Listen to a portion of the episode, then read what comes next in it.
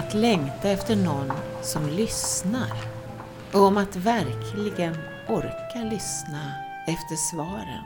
Du lyssnar på Eva Lejonsommar. Jag pratar ibland med Gabriel och ibland med en gäst. Välkommen! Oh, oj, oj, oj. Jag, jag tror att jag kanske har gjort ett misstag nu alldeles nyss för att jag sitter och väntar här på att Stefan Fokoni ska komma. Jag ska prata med honom Eh, vi ska äta lunch först och sen så ska vi prata om hans svar på Mentalbokspodden. Men jag gjorde kanske misstaget att skriva ut hans CV. Stefan Foucault är alltså författare och vi träffades för några år sedan på Författarförbundet. Vi utväxlade lite böcker och sådär och lite tankar. Hittade varandra till slut efter ett tag och sen har vi haft väldigt intressanta och spännande samtal, ganska sporadiska men eh, eh, alltid mycket vindlande och, och, och, roliga. Och Stefan och jag, som sagt, vi umgås inte liksom till, till vardags. Vi har inte gemensamma umgängeskretsar eller ett gemensamt spår att gå i. Eh, utan vi kommer till, till det här bordet någonstans på någon, på någon pub från våra olika respektive liv. Och vi möts ibland på mejlen och, och eh, berättar vad, vad vi håller på med. Allt har jag nog inte berättat för Stefan, för jag har känt att det finns en del som, eh, vad ska man säga, fält där vi kanske inte riktigt korresponderar eller möts. Bland annat i eh, det här med mitt andliga intresse som jag delar med många andra och, och eh, där jag verkligen ger mig in ibland i långa ja, vad ska man säga, utflykter och, och, och eh, känner mig ganska avspänd så kan jag känna just med Stefan att nej, här, här, här kan jag inte hoppa i riktigt det eh, vattnet med honom. Eh, ändå så tog jag med honom då i, i den här remissgruppen för att jag var nyfiken på vad en, en man som Stefan tycker om den här idén då med kanaliseringar och prata med änglar och sånt där. Eh, jag fick ett jättefint svar ifrån honom. Humoristiskt och eh, genom, eller genomtänkt. Stefan, jag upplever honom att han är alltid väldigt genomtänkt, väldigt ärlig, väldigt öppen också, varm och just eh, ja, med mycket humor.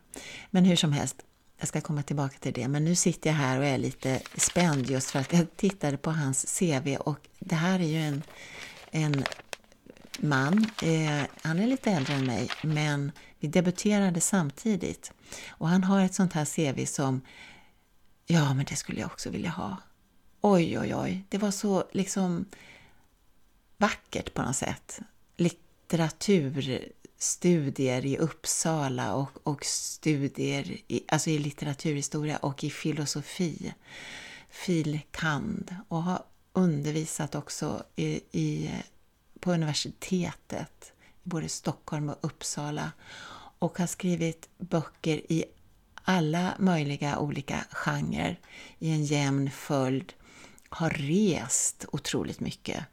Eh, när jag gick in och tittade på hans hemsida, jag har inte heller gjort det förut, så är det ju sådär, vad ska jag säga, det är så stora, stora grepp Liksom, han börjar att debutera med en trilogi som handlar om människans, människans liksom, födelse, uppkomst till apokalypsen. Ja, men där har vi den första trilogin. Och i den, liksom, ja, på den ton, tonen håller han sig. Och eh, även de här reseböckerna då som han har skrivit tillsammans med en kollega, Thomas Andersson, håller det här enorma, breda, stora, djupa också intresset för, ja, för människan faktiskt. Och kulturer, dess uppgång och fall och ja, nej men alltså de, de riktigt stora filosofiska frågorna. Eh, och han gör då skönlitteratur av det och har varit med i, som ordförande i olika utskott i Författarförbundet, eh, internationell sekreterare och, och så vidare och så vidare det som händer med mig är ju att jag blir lite så här torr i munnen för att, ja men hur, hur, hur ska jag pre kunna presentera honom? Alltså i ett samtal utan att bara sitta och vara beundrande. Det är inte så roligt kanske för en lyssnare och kanske inte heller för Stefan, tänker jag, att bli intervjuad på det sättet. Så jag ska försöka hitta en annan ingång till samtalet med Stefan. Vi får se om jag lyckas.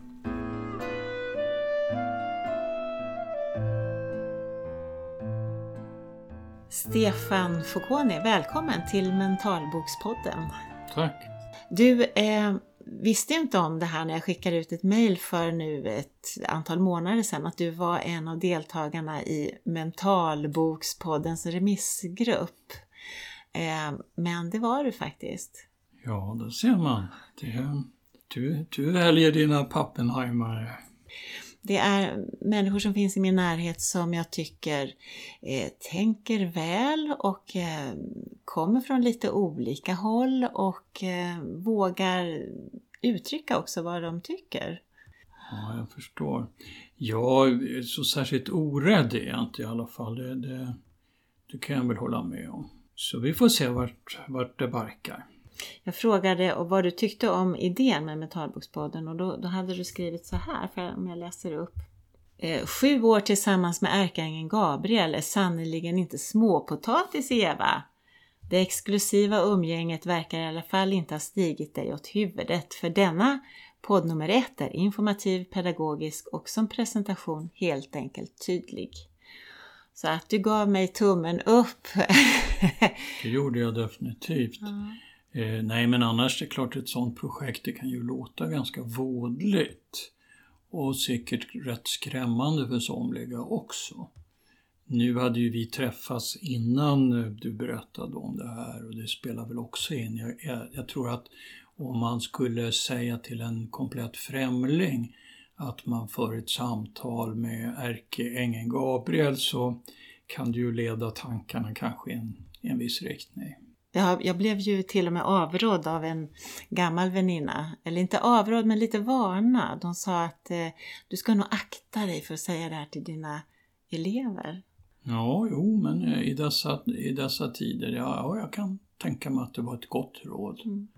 Så eh, man bör väl hushålla med information för tänka sig för lite vilka, vilka man eh, vänder sig till med sådana här anförtroenden. Jag är inte heller så eh, rädd av mig, jag är mer orädd eller kanske naiv eller dumdristig för det här eh, samtalet då som, jag, eh, som vi för nu. Det kommer ju gå ut till flera i och med att jag tar det här steget då och eh, följer de här goda råden att det här, det här eh, funkar väl, det låter intressant. Så, eller så kommer jag ju ut på ett sätt då med den här informationen om vad jag också gör. Det är väl en stor poäng. Jag tror att vi författare, eftersom det är det du och jag är, vi måste ge oss ut på tunn is. Det är verkligen en viktig ingrediens i det här yrket. Så om du har fått blodad tand nu, desto bättre.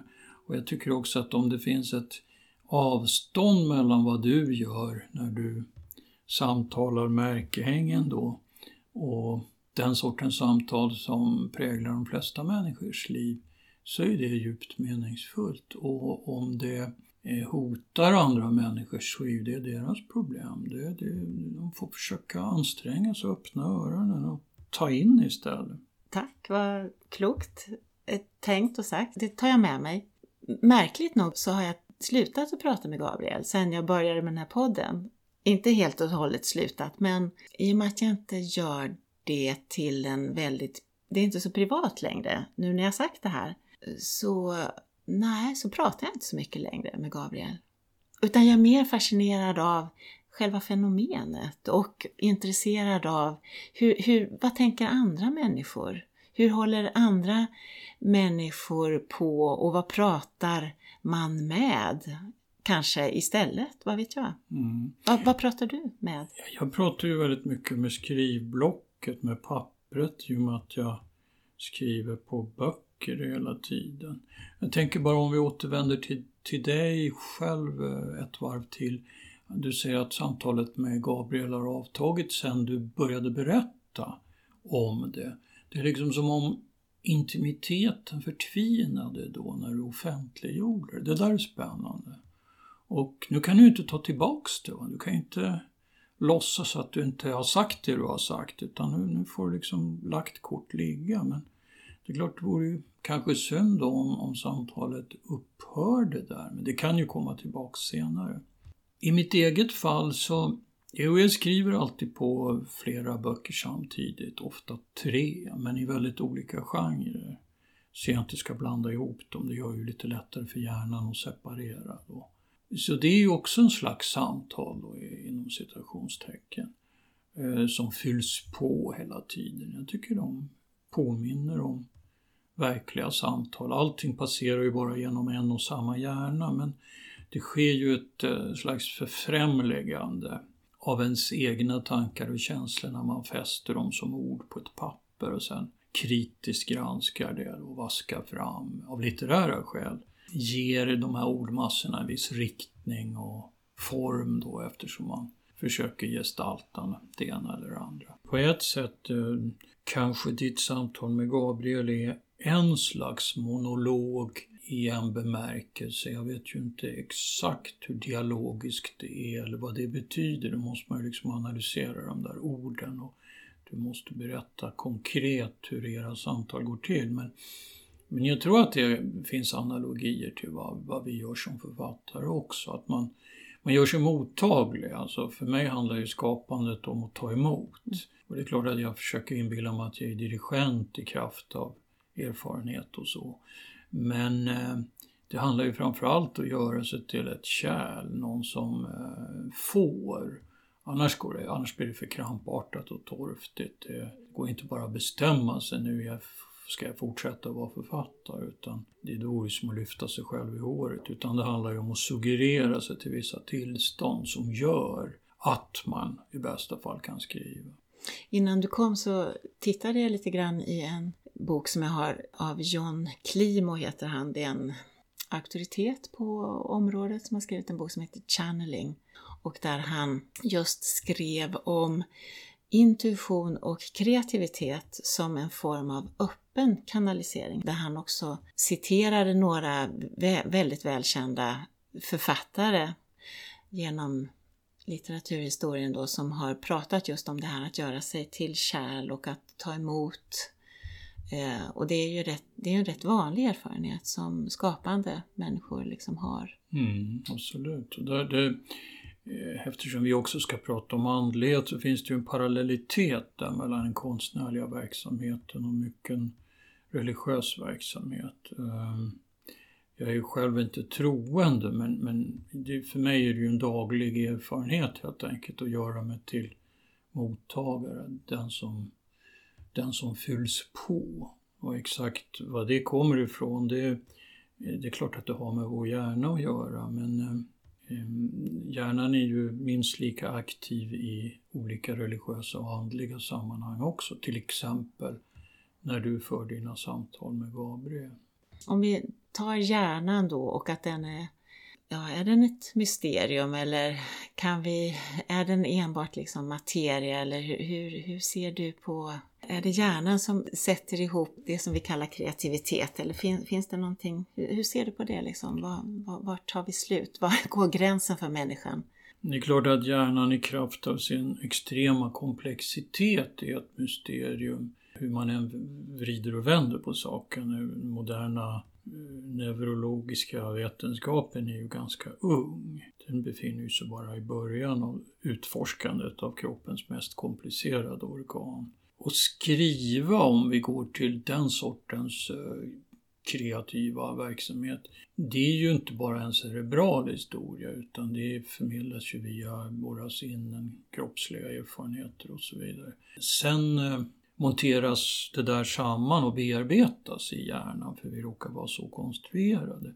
Men exakt hur det går till, det är ju, det är ju ingenting som, som jag vet något särskilt om. Mm. Jag tänker på att vi har troligtvis liknande erfarenheter ändå av skrivandet rent fenomenologiskt. Vi, vi skulle kunna säkert eh, beskriva dem och landa i ungefär i, i upplevelser där vi kan känna igen varandra. Men vi skiljer oss ju på så sätt att jag föreställer mig då att det finns någon typ av mottagare eller sändare som finns utanför mig själv eller som jag kan föreställa mig och jag dels kommer jag från ett eller ja, en frireligiös uppväxt och det har varit så, så starkt för mig och jag har inte riktigt um, släppt det här liksom viljan och, och, och, kanske vanan och behovet och sökandet och, och eh, känslan av att nej, men det måste finnas någonting utanför mig själv också som jag kan kommunicera med. Mm. Och du landar i en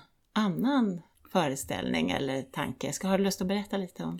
Ja, jag är ju ateist och även om jag hela mitt liv har varit intresserad av religion och alla möjliga religioner och metafysiska system. Men eh, i mitt fall så, om vi börjar ur, ur författarsynpunkt så tror jag det har ganska mycket med genre att göra. Om jag skriver lyrik eller romaner, två av mina huvudgenrer, så är det klart att jag lyfter in erfarenhet av, av, av att ha levt på den här planeten nu i 65 år, högt som lågt. Men i mina böcker om Mellanöstern då, där jag har rest med min kollega Thomas Andersson i mer än 20 år, där träffar ju vi riktiga människor. Så det är klart att där är det ju en ganska konkret mening, en dialog. Jag måste respektera väldigt noga vad människor har sagt, vad de tycker, alldeles oavsett mina åsikter. Så där kommer ju någonting till mig någon annanstans ifrån. Det kan ju vara radikalt annorlunda om jag intervjuar, låt oss säga, fundamentalister av olika slag, kristna, judar eller muslimer vars verklighetsuppfattning inte överensstämmer för fem öre med min. Eller jag tycker kanske att deras premisser är alldeles uppåt väggarna. Det spelar ingen roll. Det är ju, det är ju min skyldighet att försöka redogöra för hur, hur de ser på sakernas tillstånd. När jag skriver lyrik eller romaner så är det för mig mer ett internt kretslopp, filtrerat eller idisslat genom mitt system. Och där, eh, även om jag skulle skriva om religiösa företeelser så gör jag ju det framförallt därför jag är intresserad av oss själva, människan som art. Och eftersom religionen och andligheten har spelat så extremt stor roll i vår historia och gör det fortfarande, kommer säkert att göra det framöver. Kanske till och med kommer vi att uppleva en religiös renässans, varför inte? Det beror ju på våra omständigheter och de ser ju ganska dystra ut på global nivå för närvarande. Så den som lever får se. Men eh, jag är alltså då inte ute efter att leta efter konfessionella markörer som är mina, utan jag har ju avsagt mig det. Utan det är mer våglängder som jag analyserar därför att jag vill förstå människors drivkrafter, individuella och kollektiva. När du analyserar människors drivkrafter då och eh, ser att människor till, till stor del, eh, och rent historiskt och rent faktiskt idag, söker och vill ha system eh, som, som talar om ett större, att det finns liksom en fortsättning när livet tar slut, så, så tänker du vad? Att det är en... Ja, jag vill inte ha någon fortsättning. Jag vill ha den absoluta meningslösheten, eh, utlämnandet, ensamheten. Jag tycker att det är mycket vackrare. För mig personligen så är det det som skulle kunna förläna oss en viss eh, eh, värdighet. Att vi strävar i vårt lilla och kanske futtiga mot en fond av absolut mörker, tystnad och tomhet. Det är vad jag finner mig till rätta med, men eh, jag vill ju gärna vara en tolerant person. Framförallt är jag ju så pass nyfiken så att jag har inga svårigheter att försöka ta in och lyssna på människor som uppfattar det på ett helt annat sätt. Tvärtom. Mm. Det, är ju själva glappet oss emellan som i bästa fall gör, gör kommunikationen värd namnet. Det var en väldigt vacker bild av den här totala utslocknandet, meningslösheten som det ändå gav. Jag kommer ihåg när vi, vi möttes för ett antal år sedan, det var faktiskt på Författarförbundet, en workshop som handlade om, av Erik Fylkesson som handlade om att framföra sina texter. Efter det så, så utbytte vi lite prövande sådär, testade vad har vi för referenser. Jag kommer ihåg att du skickade mig något klipp med Beckett som läste någonting. Det är väl en, eh, en författare som trodde på det utslocknandet eller Jo, han är en valfränskap för mig. Det har han varit sedan, sedan tonåren. Så det, Men det är väl sådär med, med konst överhuvudtaget att man, man känner igen sig själv, jag ska inte jämföra med Samuel Beckett, men man känner igen sig själv i föregångare mm. och, och, tycker att man spelar mer på deras planhalva än, än, än vilka som helst. Så, så det har varit, uh, har varit väldigt betydelsefull för mig. Även om uh, våra liv naturligtvis har sett ganska annorlunda ut och så vidare. Det, det är den sortens författare oerhört präglad av andra världskriget naturligtvis som vi, särskilt i ett land som Sverige, inte har upplevt in på bara skinnet. Men eh, min far var soldat i andra världskriget å andra sidan, vägrade att säga ett enda ord om vad han hade varit med om. Trots att vi stod han väldigt nära. Min farfar gick ut som frivillig i första världskriget den dag han fyllde 16 år. Så jag menar, jag har ju indirekt det där i min egen familj också. Alltså kriget, mm. mördandet, katastrofen. Du och jag är uppväxta med kalla krigets idiotiska terrorbalans som ett faktum och miljökatastrofen idag får man ju vara ganska dum i huvudet om man förnekar eller förtränger till den grad att man inte, i alla fall av och till, för det orkar vi väl inte tänka på hela tiden, men av och till reflekterar över och undrar vad, vad som kommer att ske framöver. Oavsett om man har egna barn, vilket ju du och jag inte har. Du sa förut att det kan komma en andlig eller religiös renässans. Kanske på grund av att vi lever i, i den här typen av eh, stora ödesdigra frågetecken och kris.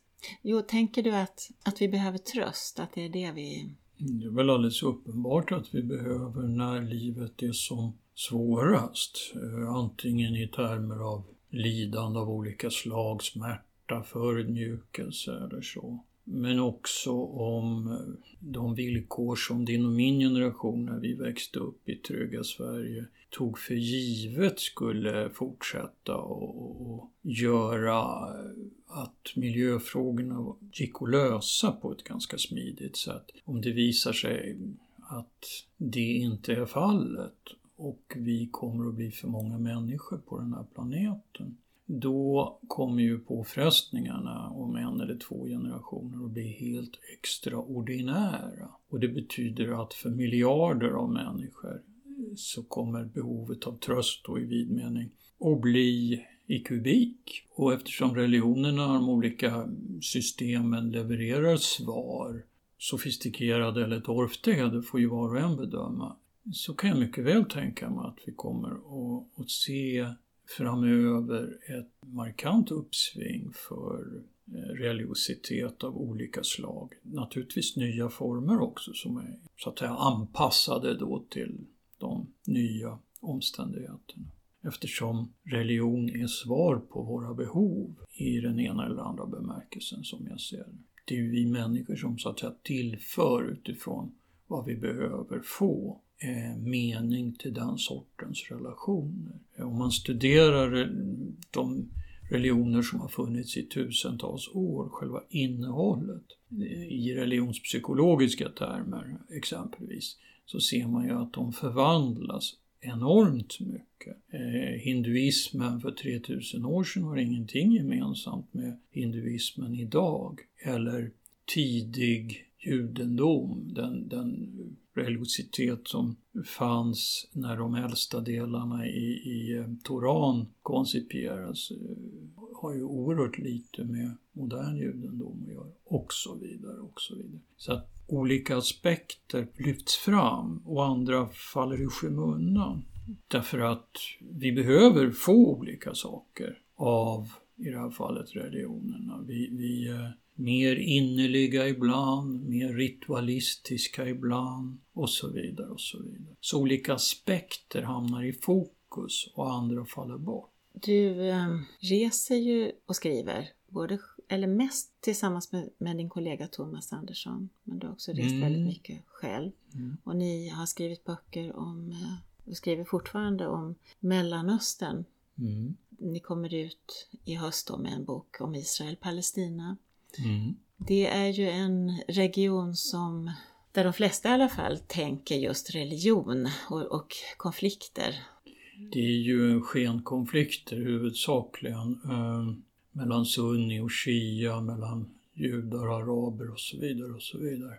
Eller jag ska säga judar och muslimer för att vara korrekt. Eh, eftersom judendomen är en religiös beteckning, inte en etnisk kategori. Det är väldigt lätt att använda religionen för att mobilisera trupperna för det ena eller andra politiska projektet. Det finns inga djupare, allvarliga teologiska motsättningar eh, mellan de tre monoteistiska religionerna. Tvärtom, de är ju syskon, de påminner ju väldigt mycket om varandra. Kristendomen med shia till exempel, sunni med judendom, det är ju alldeles uppenbart i en rad olika avseenden, även om jag inte kan gå in på detaljer just, just här, det skulle föra lite långt. Så att i det avseendet är ju, om vi tänker på nyhetsrapporteringen och så, så grundar ju sig den på ytliga teologiska kunskaper. Och de är ytliga också eh, hos de människor, majoriteten av de som bor i Mellanöstern. Eh, människor är inte särskilt intresserade av teologi och därför inte heller kunniga, framförallt inte om andras teologiska system eller värderingar.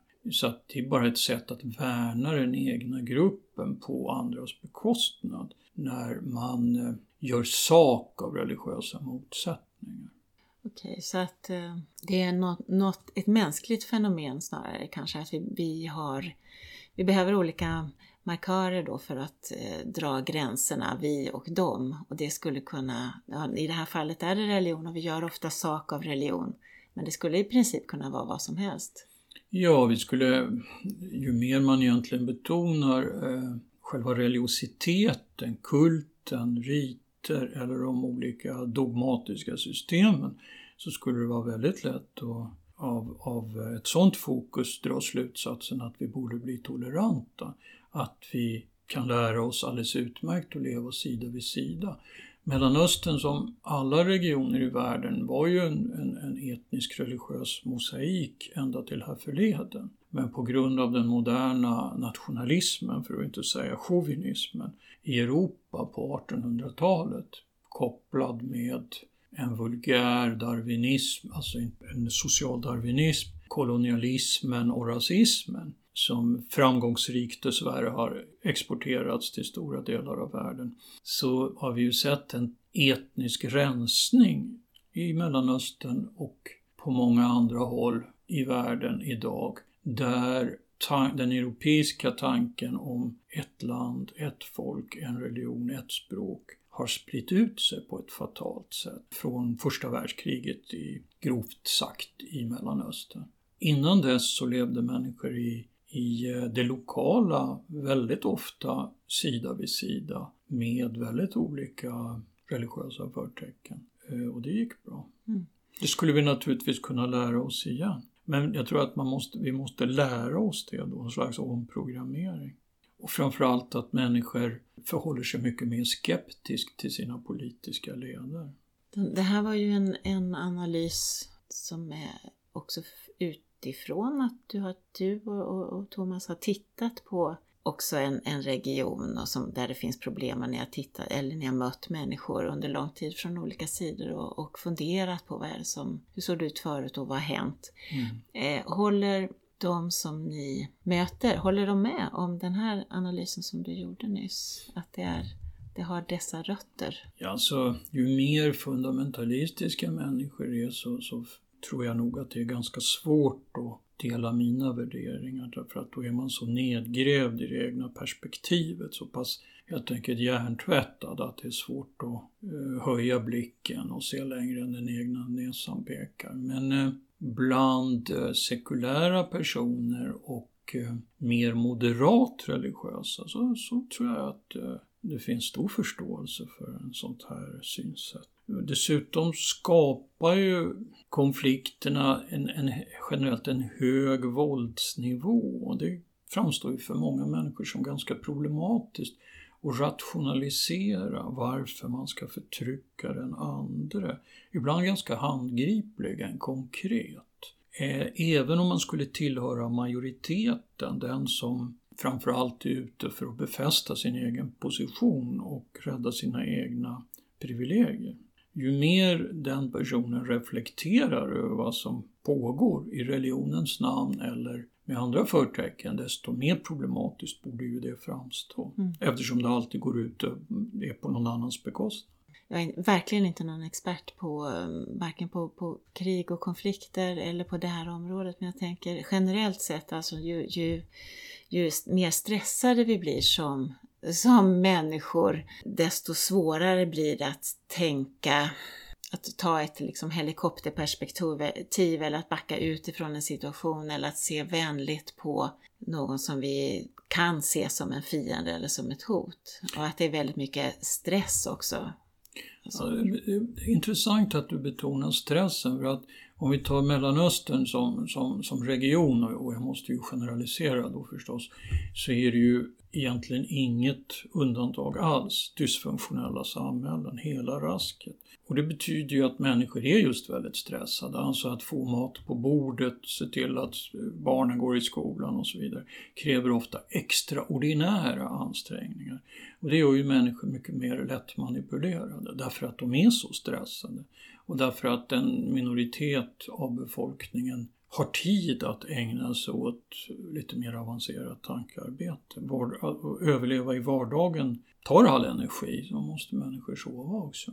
Så stressnivån jämfört med ett land som Sverige är ju någonting helt annat. Jag brukar eh, likna det vid opera ibland, apropå mitt italienska påbrå. Eh, Mellanöstern är opera, fast på riktigt. Och det är därför det är både väldigt fascinerande och beroendeframkallande att hålla på med den regionen. Men det suger musten ur människor som bor där också och det är lika blodigt som på operascenkolvet. Just det, du har ju ett italienskt arv eh, och jag har precis eh, igår läste jag om din släktskröna Rå Umbra, Bränd Umbra som kom ut eh, 98 tror jag. Och eh, när jag läste den så tänkte jag att ja, men nu har du verkligen tagit i. För det var mycket opera. Och sen så läste jag på din hemsida i morse att nej, tvärtom, du hade skruvat ner volymen. Ja, det var eh, ganska chockerande. Jag trodde fram till dess att eh, i den mån litteraturen byggde på verkligheten så gällde det att förstås kondensera men också skruva upp för att det skulle få någon estetisk verkan.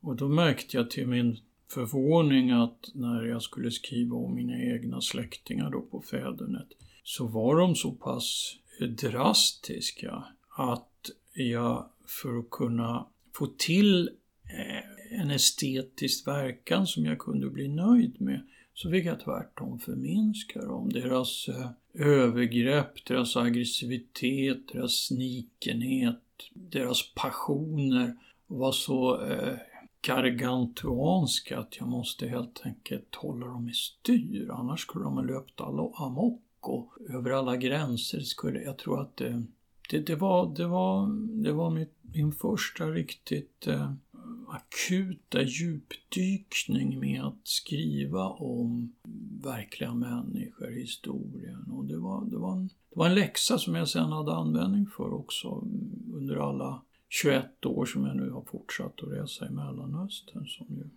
just är oerhört drastiskt hela tiden. Du har ju en italiensk släkt på fädernet, men din mamma är svensk. Kommer Stämmer. Här. Men det känns eh, väl som att du identifierar dig rätt mycket med den italienska sidan, stämmer det? Jo, jag är visserligen född i Sverige men eh, Sverige är ju på gott och ont också mellanmjölkens land och eh, ja, jag tycker att Italien är ett mycket mer akut intressant land. Mycket mer svårartat, mycket mer komplext med mycket, mycket längre kulturhistoria. Så eh, ja, den, den, om vi talar om identifikation så går den före det svenska. Absolut. Jag känner mig absolut inte som någon Sven. Nej. Jag tänker också på den här eh, att du är intresserad av ja, men det stora frågor. Jag nämnde förut när jag gjorde en introduktion, du har inte lyssnat på den men jag, men jag berättade lite grann vad jag sa, att du, du började med en trilogi som handlade om skapelsen och den tre, slutade i apokalypsen. Alltså du tar stora eh, encyklopediska grepp på det ämne som du, som du vill undersöka och du har också skrivit två stycken, det kommer en tredje bok nu i en kvartett som, som också sådär ramar in existensen i, i, i breda drag. Det, den ena hette om, den första om trädgårdskonsten och den andra om kokkonsten. Då kommer det ut om kärlekskonsten nu i höst och så den sista kommer att vara om dödskonsten. Alltså verkligen att vara människa och, och eh, jag tänker så här att det kanske ligger närmare det italienska temperamentet att ta, ta de här eh, existentiella frågorna, vrida upp dem och ställa dem på sin spets. Det är någon typ av tydlighet, eller drama, jag vet inte, som du dras till kanske? K kanske, som du säger, en temperamentsfråga och dra, dras till, till dramat. Så kan det nog vara. Så kan det nog vara. Men det är ju också att vi författare lever ju ganska stillasittande liv. Det är därför det har varit viktigt för mig att fortsätta att resa och då särskilt i andra kulturer för att fortsätta att utsätta mig för andra perspektiv så att man inte stelnar. När det gäller sen de här tematiska eh, stora åtagandena så det är ju naturligtvis självförvållat men eftersom jag är nyfiken så om jag tar nu den kommande boken om kärlekskonsten som exempel så så blir det ju ett sätt då för, en, för mig att gå i närkamp med vad är då eros, vad innebär sexualiteten, vad har den betytt i alla möjliga sammanhang och kulturer för, för oss och naturligtvis för mig också som individ, som historiskt fenomen. Då. Och varför skulle, jag inte, varför skulle jag inte unna med det och varför skulle jag komma så billigt undan? Jag tycker inte om att författare gör det lätt för sig. Man måste stadigt göra det mer och mer svårt för sig själv. En författare som inte befinner sig på tunn is, det, det känns det fel. Kommer du vara på tunn is med den här om kärlekskonsten i höst, tror du? Det är ju ett delikat ämne. Jag tror att vad man än tycker om Eros förvandlingar då så, så trampar man på ömma tår. Och eftersom jag avskyr politisk korrekthet så kommer den, eh, antingen kan ju tigas ihjäl gubevars men annars så kommer den att framstå i flera avseenden som ganska kontroversiell. Det har ju att göra med att vi i vår kultur sätter den romantiska kärleken så högt och de flesta människor paradoxalt nog inte riktigt har satt sig in i frågorna på djupet heller. Och Eh, då uppstår ju en diskrepans mellan vad man tar för givet i värsta fall och eh, en sån här ganska bred utläggning där jag vänder och vrider på perspektiven och ifrågasätter om den erotiska kärleken har någon särskilt tydlig essens överhuvudtaget. Den här, om vi börjar med den här serien i trädgårdskonsten så, så nu hoppade jag lite grann för att jag tänker på de här att du kanske polemiserar eller vänder dig mot mellanmjölkens land, att göra det lätt för, för sig. Du eh, pendlar lite grann mellan Norge där du har din partner som har en, en gård, en släktgård och där har du anlagt en, eh, vad, vad, heter det nu? Arboretum. Arboretum, mm. ja precis. Mm. Jo, det var ju, allting var ju hennes när jag flyttade dit. Jag hyrde ut lägenheten här 95 och var där två års tid. Hennes släkt, hennes familj, hennes prylar, ingenting kom från mig Jag tror att det var psykologiskt sett gjorde att jag tänkte att jag skulle på något vis befolka territoriet en liten gnutta. Och då kom jag till min förvåning på att jag kanske skulle, jag hade inga gröna fingrar eller ägnat mig åt något sånt tidigare, men jag skulle kanske kunna dra upp träd från frön. Och då satte jag igång med det. Så numera har jag träd från hela världen där, alla kontinenter, som väl tittar lite anklagande på mig då och tycker att det är lite kyligt kanske. Men från varma breddgrader så växer de, så, så kommer de ju då från hög höjd naturligtvis, alltså ett par tusen meter över havet upp på bergsnivå, annars klarar de sig inte i Skandinavien. Men eh, det är intressant umgänge, jag har lärt mig väldigt mycket att umgås med träden, så jag sakta sakta utvidgar sin repertoar. Och som så ofta så märker jag till min förvåning att i det här fallet att förhålla mig till träd, det är riktiga relationer. Det är de som lär mig någonting, det är jag som får, det är jag som gör fel, jag som inte kan sätta mig in i deras omständigheter tillräckligt. Men så slås jag också av en generositet, eh, att jag tycker de är så, inte bara vackra, utan jag skulle vilja säga med en, med en typisk mänsklig term att de är så tappra. Det, det gör väldigt starkt intryck på mig. Hur många har du? Det är väl ungefär 700 träd då, men det är 300 arter. Oj. Jag måste ju ha några reserver ibland eftersom somliga nätt och jämt överlever. Så då har jag mer än ett exemplar av varje art eller underart. Och de har du fått upp eller dragit upp från frö? All- Allihopa? All, allihopa. Har- Köp, köpa sällsynta träd är ju dyrt. Jag hade inte någon, tyckte det hade jag inte råd med. Men jag ville vara med om hela processen också. Från, från, från vaggan så att säga. Alltså, så, därför att det är ju mycket mer lärorikt.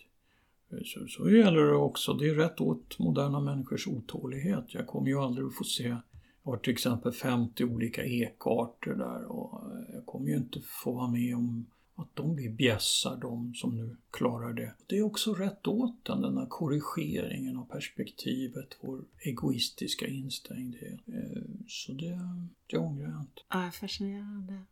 Alltså, du skriver ju om ditt arbete i ditt arboretum ibland. Vi har, lite- vi har mejlkontakt du och jag eh, och ses ibland. Men jag förstår att det, det är ett väldigt arbete och det är mycket katastrofer som kan hända med eh, klimat och med angrepp och ja, det är ett ständigt Ja. pyssel och ganska ja, ju- just främjande för ödmjukheten. Det är Ja. rätt långsamt projekt och ja. Och, och trädgården är ju ingen idyll, eller det är, fram, det är ju bara det för en ignorant, utan naturen är ju skoningslös. Det är ju ett slags krig som pågår hela tiden.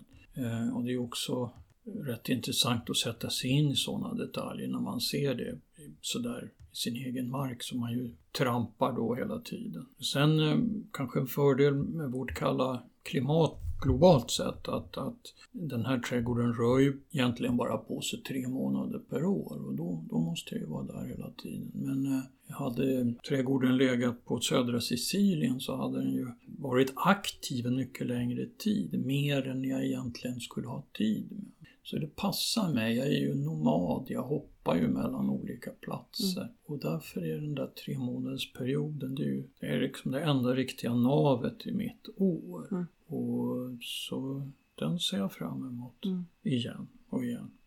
på ett sätt en kanske en kontrapunkt till de här väldigt dramatiska och konfliktfyllda och eh, hetsiga, stressiga miljöerna Mm. och den sociala interaktionen också som du har med människor när du reser.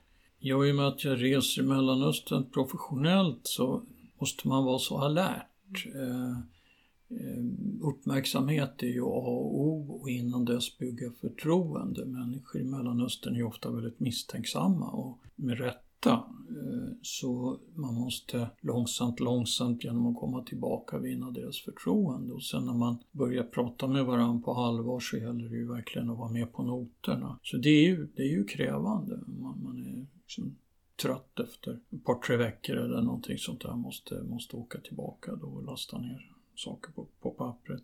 Så det är klart att trädgården på det viset är ju lågintensiv och, och därmed en meningsfull kontrast. Jag har många gånger tänkt så här, jag förstår inte hur många timmar ditt dygn har. Eftersom du säger nu då att du, du skriver på typ tre olika bokprojekt samtidigt. Du eh, rör dig mellan Norge och eh, Stockholm och sen så reser du och du har en, en 700 träd och du har kontakt med professionellt då med de som du intervjuar och skriver om på dina resor samtidigt som när man kontaktar dig Stefan så får man långa och välformulerade mejl. Så hur, hur går det här ihop? Ja, mejlen, jag, jag är ju skrivvan precis som du så, så det är väl inte så konstigt. Men jag, jag nu börjar jag bli så gammal så nu, nu sover jag mycket mer. Jag, jag försöker sova och, och för jag, jag märker att jag måste vila för att kunna hålla ett högt tempo när jag är vaken.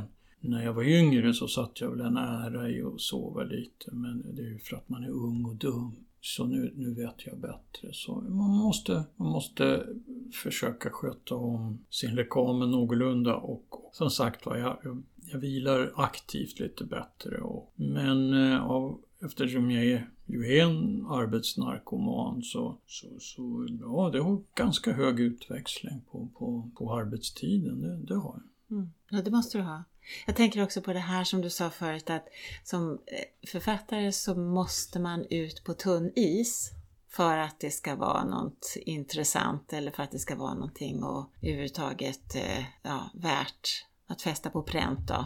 Kan det vara ett eh, recept som gäller generellt? Att det är ett sätt att hålla sig så att säga levande och expanderande? Jag inbillar mig det. Jag, nu har jag ju redan sagt att jag är ateist men om vi ändå använder bilden av Sankte Per, vilket jag kan tycka av pedagogiska skäl är ganska tacksamt och rätt kul också. Så det är klart, den dag jag möter Sankte Per och han när han får syn på mig då i sin stora superdator där och ugnar igenom som hastigast innan han drar i någon spak. Så det är klart, skulle han säga så här, Stefan och eh, min son, du, du har egentligen inte levt. Det, det skulle jag inte uppskatta.